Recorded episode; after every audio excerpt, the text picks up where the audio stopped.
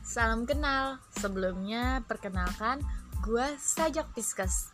Ya, sesuai namanya, gue seorang Piskes.